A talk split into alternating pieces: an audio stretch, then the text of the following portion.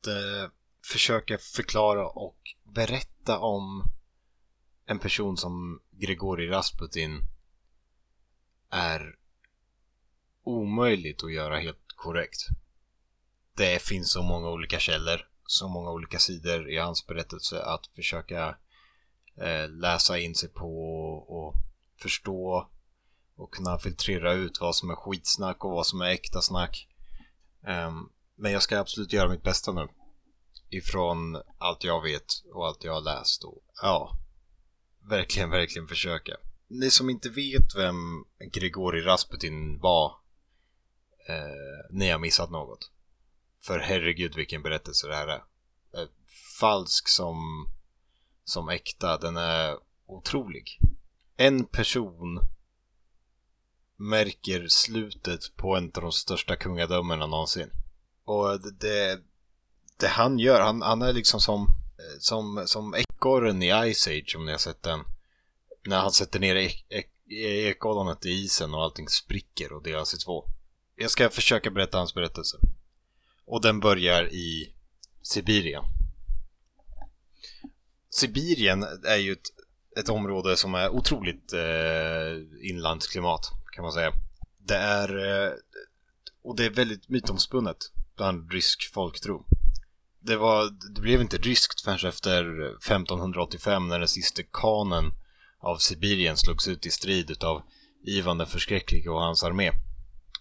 Det här var ju dock till och med fyra år efter att Ivan den förskräcklige hade dödat sin näst sista arvinge med den ryske kungaspiran.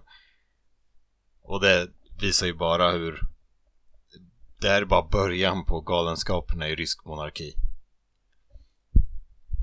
Sibirien eh, blev sen ett område fyllt av folk utav, i, i småstammar och, eh, och de fick ganska starkt en eh, ganska snabbt och ganska starkt en stark rysk ortodox kristendomstro. Eh, för efter, efter att Konstantinopel hade fallit till eh, Ottomanska riket så, så blev ju eh, blev Ryssland den nya stora ortodoxa eh, den nya mittpunkten i den ortodoxa tron. Och, och Sibirien då som var ett, ett, ett område som, som hade otroligt mycket eh, mystik runt sig. Det var folk liksom i västra delen av Ryssland trodde att människorna i Sibirien hade sina ögon på, på bröstkorgen och magen på munnen och de åt sina barn och de hade sexuellt umgänge med sin familj och allt det där klassiska. Men så var det ju såklart inte. Det var bara ett otroligt stort område med mycket mysterium som ingen riktigt visste någonting om. Men 1869 i den lilla byn eh, Pokrovskoje i Sibirien föds eh, Grigori Rasputin. Hans pappa hette eh, Jefim Rasputin och hans mamma hette Anna Peshikova.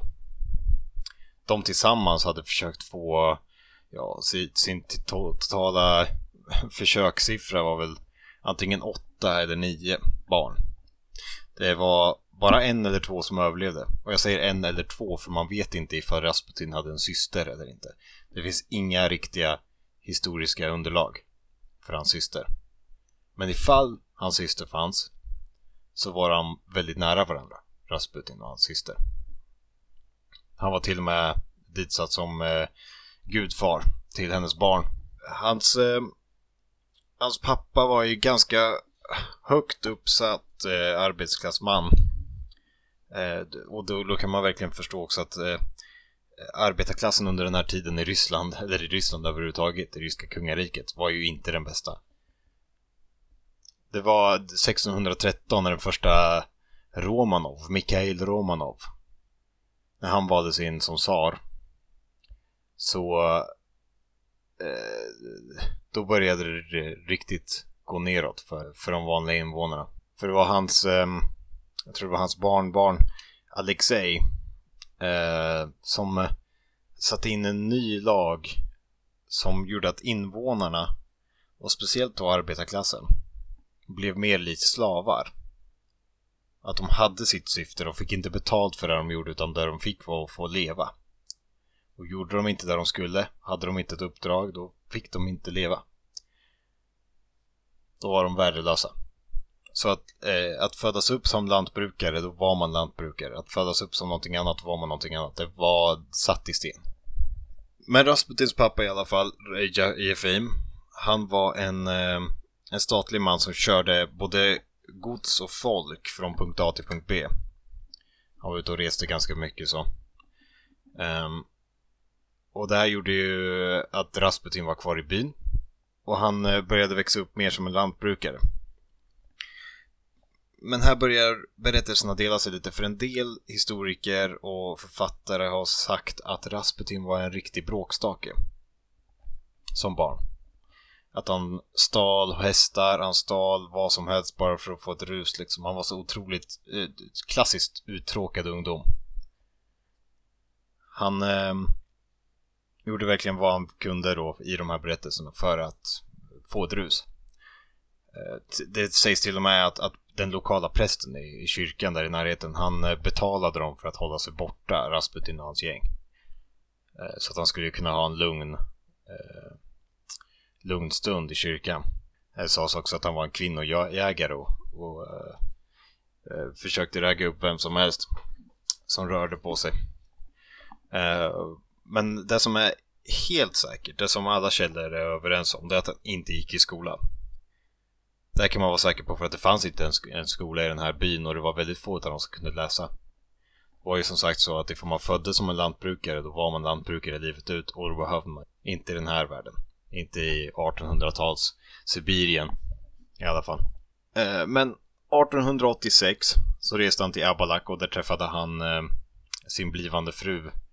Eh, nu ska jag försöka uttala det här namnet utan att slakta det helt och hållet. Men det är eh, Praskovia Dubrovina. De gifte sig sedan några månader senare. Och eh, eh de gifte sig väl mest, eller hon gifte sig väl egentligen för i tidsenligt så var det ju för säkerheten av att vara gift. Att kunna ha någonstans att bo, ett tak över huvudet och eh, att kunna uppfostra barn och kunna eh, få mat på bordet.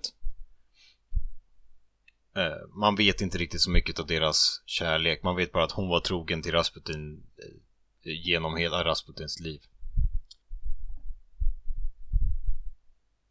De tillsammans fick tre barn. Det var Dmitri, Maria och Varvara. Eh, och men efter första barnet hade fötts och det andra var på väg, efter, när Maria var på väg då, det var Dmitri som var det äldsta, så fick han 1897 ett jätteplötsligt religiöst intresse. En riktig snilleblixt där. Och han stack iväg på, på ett riktigt äventyr då. Starten på hela hans legend. Uh, han, eh, och det här kan man egentligen bara förklara på någon, så, eh, någon form av livskris, för han hade ju inte visat något religiöst intresse innan. inte i någon av källorna. I de här där han var målad som en busige, då ville han ju inte ens, då fick han ju betalt för att inte gå till kyrkan. Så varför skulle han då få ett plötsligt religiöst intresse här? Och de här när han var målad som lite mer av en vanlig människa, då hade han inte heller något stort religiöst intresse. Så det här är lite av ett mysterium varför det blev så här. Det finns ju ingenting nedskrivet, ingen loggbok eller någonting som fördes. Och, men i alla fall, 1897 så stack han iväg. Ifall det var för att leta efter ett sätt att komma till himlen eller ifall han bara vill komma ifrån vardagslivet, det vet man inte. Han vandrade till ett eh, kloster i närheten, i nära bygden. Eh, som heter, eller hette Verkoturje. Eh, och där träffade han en man som heter eh, Makary. Och, man... Eh, jag har läst på många ställen där att, att Makary han var en filosof. Han var en ung filosof när Rasputin träffade honom och eh, Makary kan ha ett ganska stort inflytande över eh, utav, eh, utöver eh, Rasputins sätt att hantera religion i framtiden. Makarys tankesätt var att man behöver komma till botten i livet för att kunna uppskatta och förstå och kunna bli uppskattad utav Gud inom religionen. Man kan inte komma till himlen om man inte har nått botten innan. Men han stack ganska snabbt därifrån för han störde sig på de homosexuella akterna som föregick i klostret. Eh, och han tyckte att klosterlivet var lite för tvingande. Och det orkade han inte med. Istället så blev han en strannik. Och en stranik är det ryska ordet för en, en vandrande religiös man, alltså någon sorts pilgrimsfarare liksom. Som vandrar ut för att berätta om sina läror och annat. Och han, eh, han har skrivit ner lite jämförande med sig, med sig själv och sin egna tro och med andra straniks. Eh, och där jämför han att de andra stranixarna, att de gick gärna runt och hade på sig fina kläder, de tog emot gåvor och lite annat sånt där. Men han eh, struntade i det rätt mycket. Eh, och levde då i sitt levnadssätt som att han har nått botten. Här kommer också rykten om att han gick med i en klystig kult. En sorts kult då som eh, som eh, använde sig utav olika frestelser för att ta sig till himlen kan man säga. Olika gruppsexakter och liknande. Men eh, det, det, finns ingenting som stärker den, den eh, tanken. Och det, han, det, det finns ju eh, dokumenterat att han hörde om det. Han var i närheten av folk som var med i det. Men att han inte riktigt, eh, det var inte riktigt hans stil. Men det här, just det med Klusty-kulten eh, liksom. Det hänger sig fast senare i hans liv. Sant eller inte, det, det får vi se då. Istället för att gå med i sådana här konstiga kulter så började han be med, med folk i olika bygder och han eh, även med, då med sina egna grannar och sin egna familj tog han in för att be tillsammans med. Och eh, eh, han blev också lite känd som en, en helare. Det finns dokumenterat ifrån en, en man då som blir i, han blir satt framför då framtida Sovjet eh, och, och, ska förklara sin relation med Rasputin. Och han säger då att eh, alla rykten om Rasputin, alla de här hemskheter folk hör, de kan absolut stämma.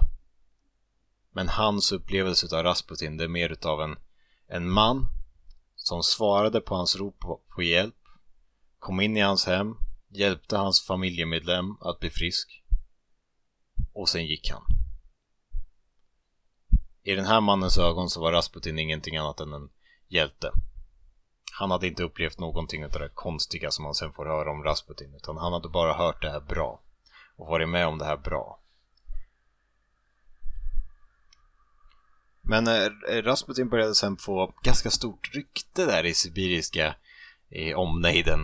Eh, och, och, han blev ganska känd som en, en, en bra strannik och en, lite utav en helare. Eh, så att cirka 1903-1904 så blev han bjuden till Sankt Petersburg utav biskop Sergej. Eh, som eh, satt då vid Alexander Nevskis kloster. Och där i Sankt Petersburg så träffade Rasputin väldigt många kända religiösa ansikten. Eh, såsom eh, Feofan. Och arkebiskop Feofan, han gillade, eh, han gillade Rasputin så mycket så att han bjöd in honom till att bo hos honom en period. 1905 då så sprider sig då i ryktet om Rasputin i, i Sankt Petersburg och speciellt i de religiösa delarna och där träffar han då för första gången den ryska tsaren Nikolas II och hans eh, fru Saritsan Alexandra. Det står nedskrivet i, eh, i tsaren Nikolas i hans eh, loggbok, i hans dagbok att eh, han träffade Grigori Rasputin, en, en gudsman på denna dag 1905. Och nu när kungafamiljen kommer in i Rasputins berättelse då måste jag gå igenom deras situation lite. För kungafamiljen, det så som jag sa förut med Ivan den förskräcklige och när han dödade sin son med den ryska kungaspiran, det är det är någon sorts utav förbannelse över dem. Det har varit flertalet uppror i Ryssland innan detta allihopa har slagits ner med en järnhand. Och eh, det, det, Alltså till och med Till och med dagen då eh, Dagen då Nikolas den andre kronades 1894. Den dagen slutade i en total tragedi. Det är osäkert hur många utav folket som verkligen gillade monarkin, men det är ju, det här är 1800-tal. Det, det var inte särskilt skeptiskt eh, på den nivån som det kanske är idag. Det här var fortfarande medeltida politik vid det här laget i stort sett. Och eh, precis som under medeltiden så blir det en ganska stor fest när en någon ny kronas. Ni har säkert sett Game of Thrones när någon ny får kronan på huvudet och det är alltid en stor fest och folket står utanför och jublar och precis så här var det i Ryssland då 1894. Det här slutade med att eh, nästan 1400 människor dog. Civila människor blev nedtrampade utanför. Eh, det gick inte att hålla det här spektaklet. Alla var lite för glada. Och samtidigt då som, som Rasputin hade kommit till, eh, till, eh, till eh, Sankt Petersburg så var det ju det rysk-japanska kriget. Där Ryssland eh, tänkte väldigt, väldigt självsäkert på att de skulle försöka skapa någon sorts järnvägsport ut i Stilla havet. Där precis väster om Korea. Men Japan ville inte det. Och Japan hade ju inte varit någon stor del i, i historien innan detta, som en stor krigsmakt. Så att Ryssland tänkte att vi bara skickar dit vår armé och sen så får de japanerna backa. Eh, det här gick inte. Japanerna spöade ryssen. Otroligt hårt. Och den ryska militären började bli otroligt skeptiska redan nu på monarkin och monarkins makt. Som sagt så hade ju Ryssland varit med om hur många olika uppror inom tiderna som helst under eh, Romanov-regimen. Eh, eh, det, det, är en den som kom 1905 dock, den, den kallas ju för Blodiga söndagen. Eller Bloody Sunday. Eh, det var en fredlig protest som gick genom Sankt Petersburg mot palatset. Skyltar som visade att folket ville ha mer eh, rättigheter. Någon sorts av folklig röst i, i ledningen. De kom fram till palatset och blev nedskjutna efter, efter den blodig, blodiga sand, söndagen så bestämde ju tsaren att de skulle ge mer frihet till folket och eh, tsaren började då dela makt med en duma. Som en sorts, en sorts regering på ett vis. För, förutom då att tsaren kan ha det slutliga beslutet i varenda beslut, eller han har det slutliga beslutet i alla beslut som går igenom duman. Det här hindrade ju rätt mycket, rätt många beslut, speciellt de som gynnade folket. Um, det, här, det här var ju en, absolut en liten tröst för alla de människor som dött. Men eh, Eh, det var fortfarande otroligt många skeptiska människor i Ryssland vid den här tiden. Ehm, men då, eh, i och med Duman så fick Ryssland en ny premiärminister som hette Stolypin. Och han visade sig vara väldigt snäll mot bönderna och det vanliga folket, men alla som var det minsta uppkäftiga, om man kan säga det, emot eh, ryska regeringen och speciellt monarkin. De blev hanterade med en järnhand, minst sagt. Det här slutade ju till och med med att snaran, den klassiska avrättningsmetoden, fick ett fantastiskt smeknamn som Stolypins slips. Men vid den här tiden så hade eh, Rasputin eh, redan kommit in i i de inre cirklarna egentligen. Han hade riktigt ingen makt, men hans namn var väldigt känt. Som den här riktiga helaren. Och 1907, bara två år efter den här revolutionen, så började han hjälpa eh, Nikolajs son, den enda arvingen Alexei. Och Alexei hade en blodsjukdom, blödarsjukan. Den eh, påträffades överallt, speciellt i i eh, kungafamiljer runt om i Europa. Den, var, den är antagligen så kommer den ju i dålig genetik som har gått runt och runt i cirklar. Och genetiken hos Alexei den var ju inte eh, särskilt bra. Alltså modern Alexandra kom ju från någonstans i det tyska riket. Och eh, tyska riket var ju, ligger ju otroligt centralt för att få alla de här möjliga genetiska sjukdomarna inom monarkin. Så 1907 så började Rasputin hjälpa Alexei. Han hjälpte honom genom att bli, han blev ombedd då utav tsaren och tsaritsan att gå in till Alexej och be för honom. Och det gjorde han. Jag gick in och bad för honom och det hjälpte lite. Och efter det så började Rasputin få mer och mer utav ett grepp i den ryska monarkin och i bestämmelserna i det gigantiska i den gigantiska europeiska makten som då var Ryssland. Ryssland hade ett väldigt speciellt rykte i Europa vid den här tiden.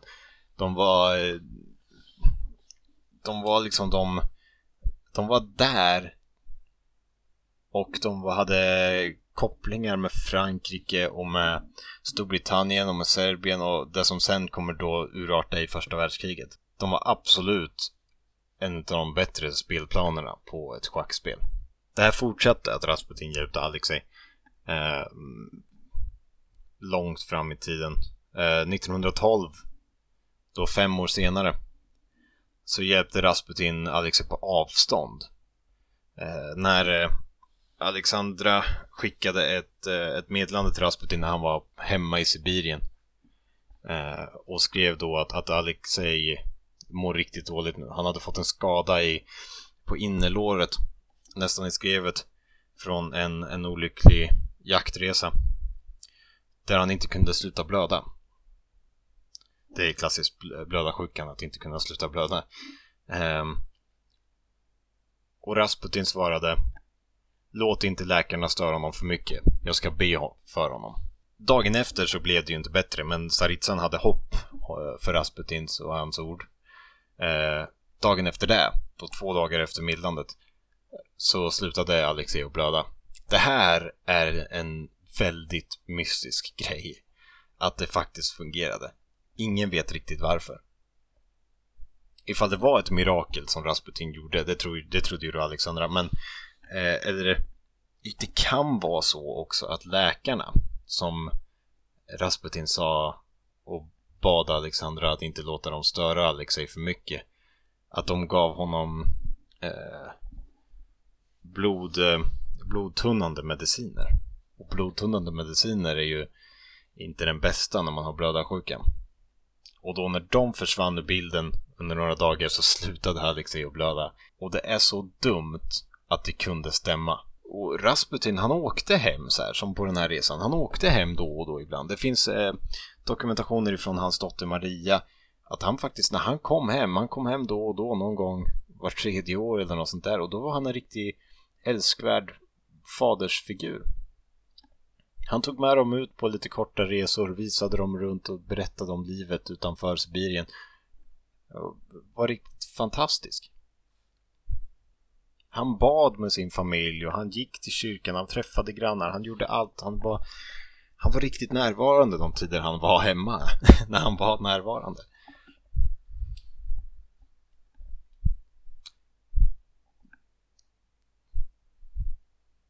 Men det är så som dottern säger också där att eh, när han hade varit hemma ett tag kanske han kom hem i slutet av en sommar eller eh, vid våren.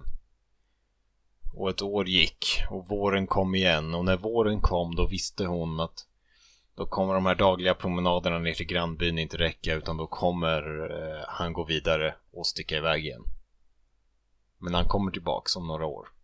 Och då får jag vara med min pappa.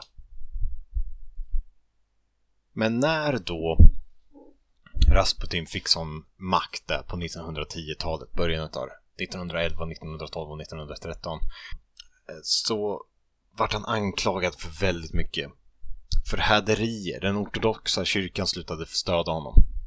Hans gamla kontakter och kompanjoner inom kyrkan, de slutade gilla honom allt, allt mer och mer. De tyckte att allting han gjorde var fel och allting var, han gjorde var illa. Eh, det, stödde in, det stöttes inte alls i, i, det, i, i den ortodoxa tron.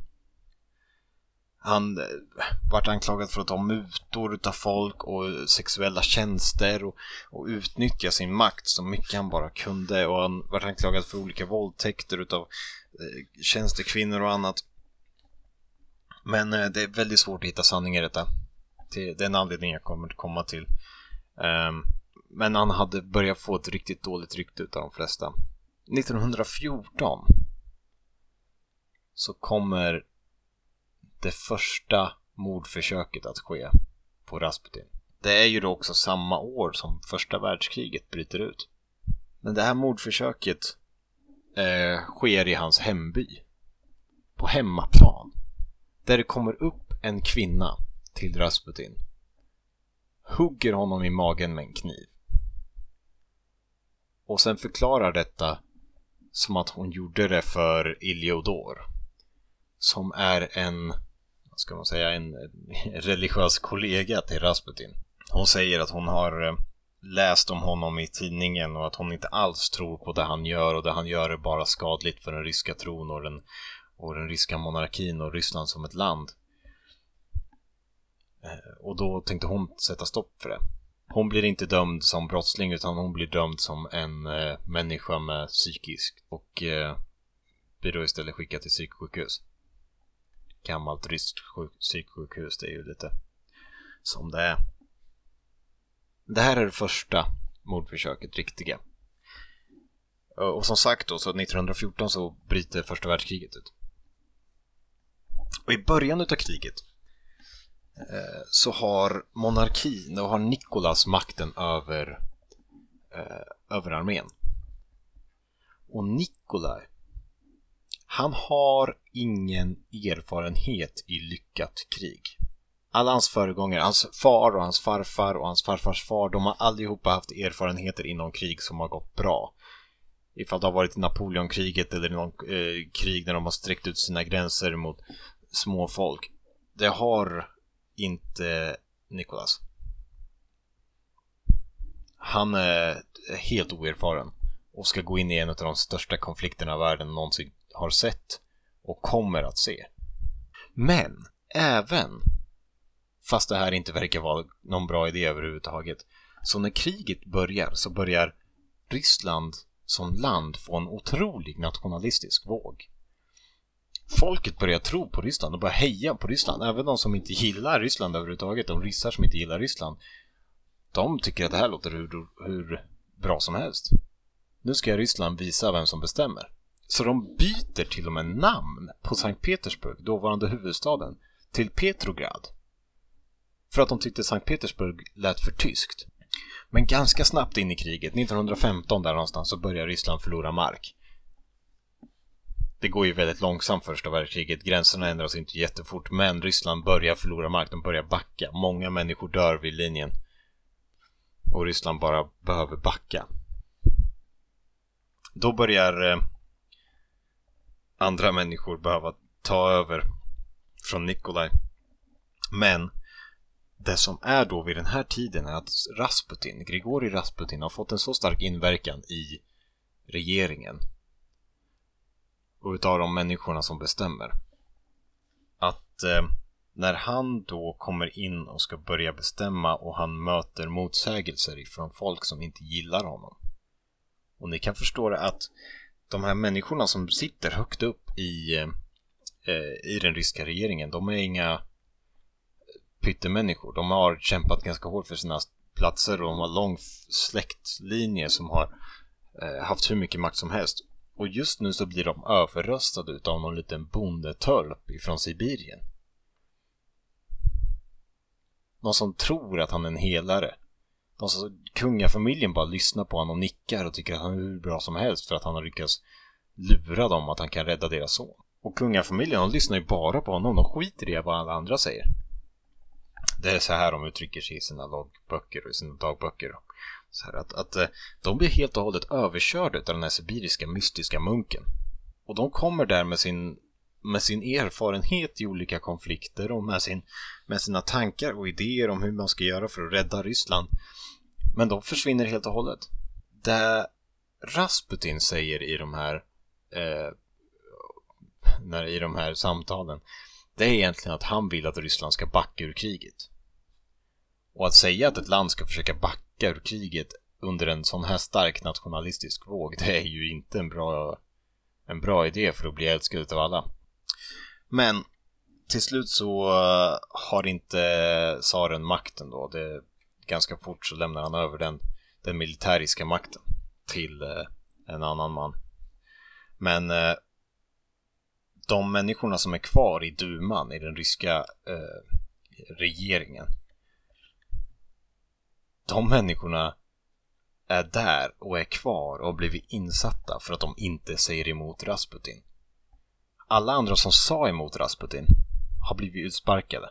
Alla andra som visade en åsikt om det Rasputin sa, eh, eller det monarkin sa också, de, blev kick, de fick kicken direkt. Det var ingen fråga om saken. De ska inte vara kvar ifall de ska frågasätta den här munken. 1916. I slutet av 1916 så börjar vissa eh, högt uppsatta män i Ryssland planera ett sätt att sänka den ryska monarkin. Och den ryska monarkin den består ju utav tsaren, Saritsan, Alexej och Rasputin vid det här. Och de bestämmer sig då för att de ska försöka planera ett mordförsök, eller ett mord då, på Rasputin. Och den människan som bestämmer det här, alltså den som är ansiktet utåt för den här eh, grejen, det är ju då um, Dmitrij Pavlovich. Och Dmitrij Pavlovich, bara för dramans skull, är tsar Nikolajs brors barnbarn.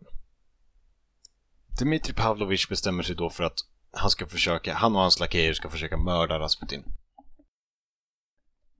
De bestämmer sig att det ska ske i Pavlovichs hus. Det ska ske i hans nyrenoverade källare. De ska försöka förgifta honom. Och går inte det så har de män utanför som kommer försöka skjuta honom ifall han försöker fly. Och det är den här berättelsen om Rasputins mord, eller hans mord, men den gången som Rasputin blir mördad. Det är den som fick mig att vilja läsa om Rasputin från första början för flera år sedan. För att det finns en sån otrolig legend om Rasputins död som målar honom så svart som man bara kan bli målad efter att man har dött. Jag ska berätta båda sidorna av berättelsen, både den här fantastiska berättelsen och den här eh, sanningen. Jag kan börja med den fantastiska berättelsen. De bjuder in Rasputin till att äta middag i Pavlovichs källare. Rasputin går med på detta. Han, eh, han vet att någonting inte stämmer, men han går med på det ändå.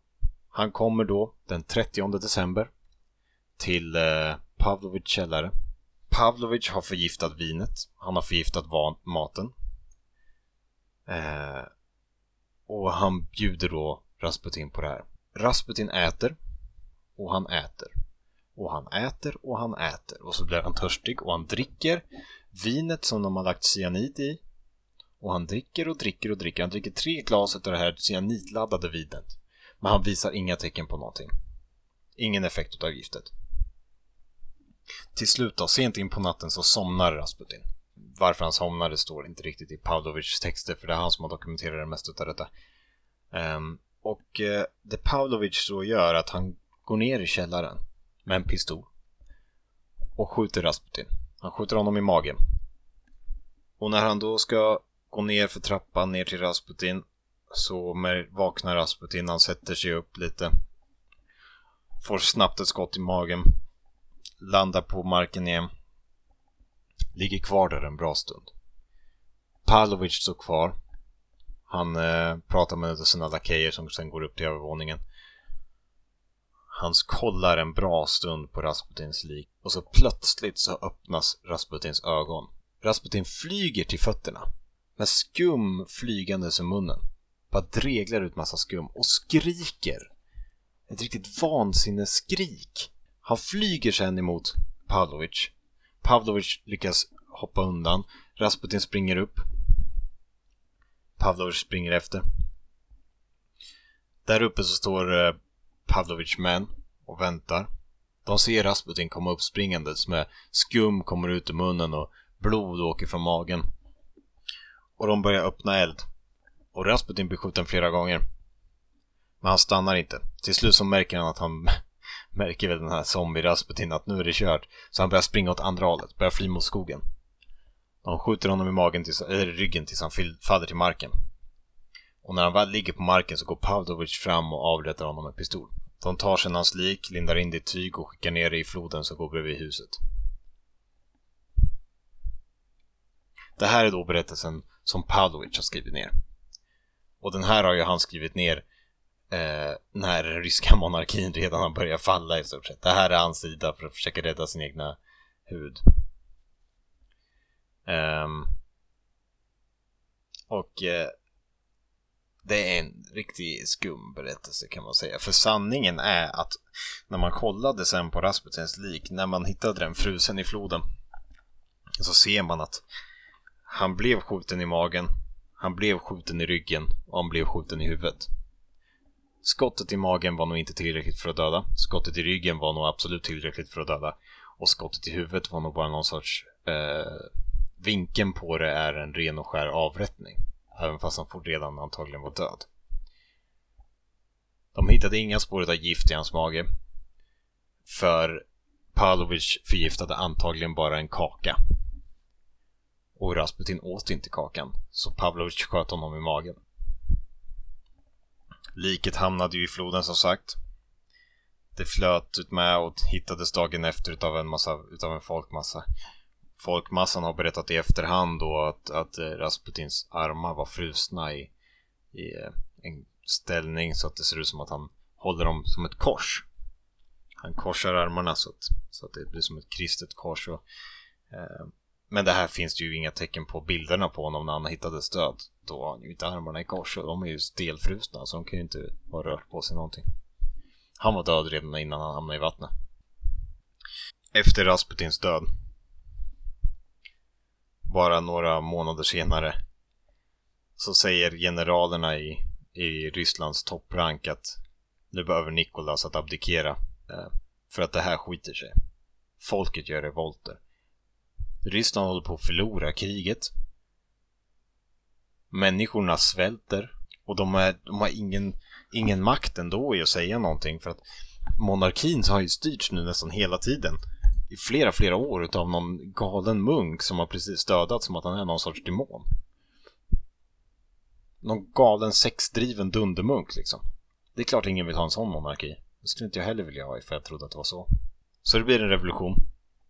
Eh, Nikolas abdikerar, han försöker ge tronen till eh, då den eh, hertig Mikael, eller Michael. Men han tackar nej, ingen vill ha den där tronen, den är körd, den brinner redan. Eh, Nikolas och hans familj blir sen avrättade av eh, revolutionärerna. Och eh, bara några månader senare så är ju inte Ryssland ett kungarike längre, då är det en kommunistisk stormakt som kallas Sovjetunionen. Och under Sovjetunionen då, då de människorna som leder det, eh, Lenin, Stalin, Trotskij och hela det gänget. De eh, vill ju jättegärna svartmåla kungafamiljen.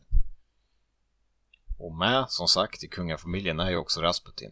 Så den här legenden om Rasputin och de här där man hört om att han var sexdriven, att han var med i de här kulterna och att han eh, att han dog på det här viset och vilken makt han hade över kungafamiljen, den har blivit otroligt vriden av Sovjet och deras eh, och deras sätt att hantera de här, den här informationen. De, eh, de tog alla de här dåliga bilderna av Rasputin och satte det som fakta. Och det var inte förrän eh, Sovjetunionens fall 91 som vi har fått reda på den, de mer riktiga faktorna ifrån den här tiden och de här människorna.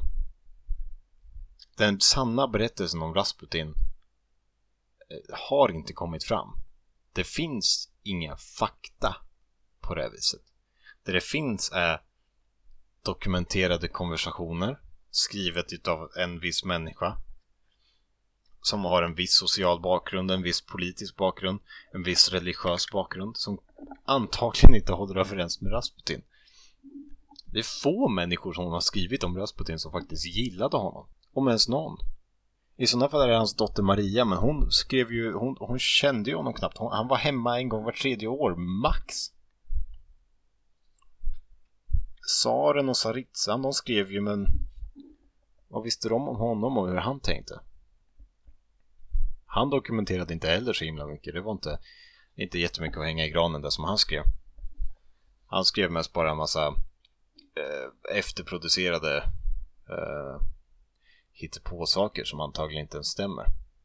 finns ju det här att han skrev innan första världskriget att ifall Ryssland går in i krig så kommer monarkin falla, men det finns inga bevis på att han faktiskt skrev det innan kriget. Om han ens skrev det överhuvudtaget. Grigori Rasputin är en man täckt i dimma och mysterier och eh, det kommer aldrig komma fram vem han faktiskt var. Om man inte hittar någon gömd dagbok där han skrev alla sina hemligaste tankar och sina hemligheter. Och sina alla vardagliga problem. Men berättelsen om han och legenden om han, även den falska, är otroligt spännande. Hur han separerade upp den eh, ryska adelsmakten och den ryska kungafamiljen. Precis som jag sa i början, som ekorren i Ice Age sätter ner ett ekollon i isen och det bara spricker upp. Snabbt går en blixtformad spricka rätt igenom. Djup. Så in i bomben. Som inte kommer gå att reparera. Någonsin igen. Tack för att ni lyssnat. Mitt namn är Kasper Gustafsson. Och jag har läst alldeles för mycket om Rasputin de senaste veckorna.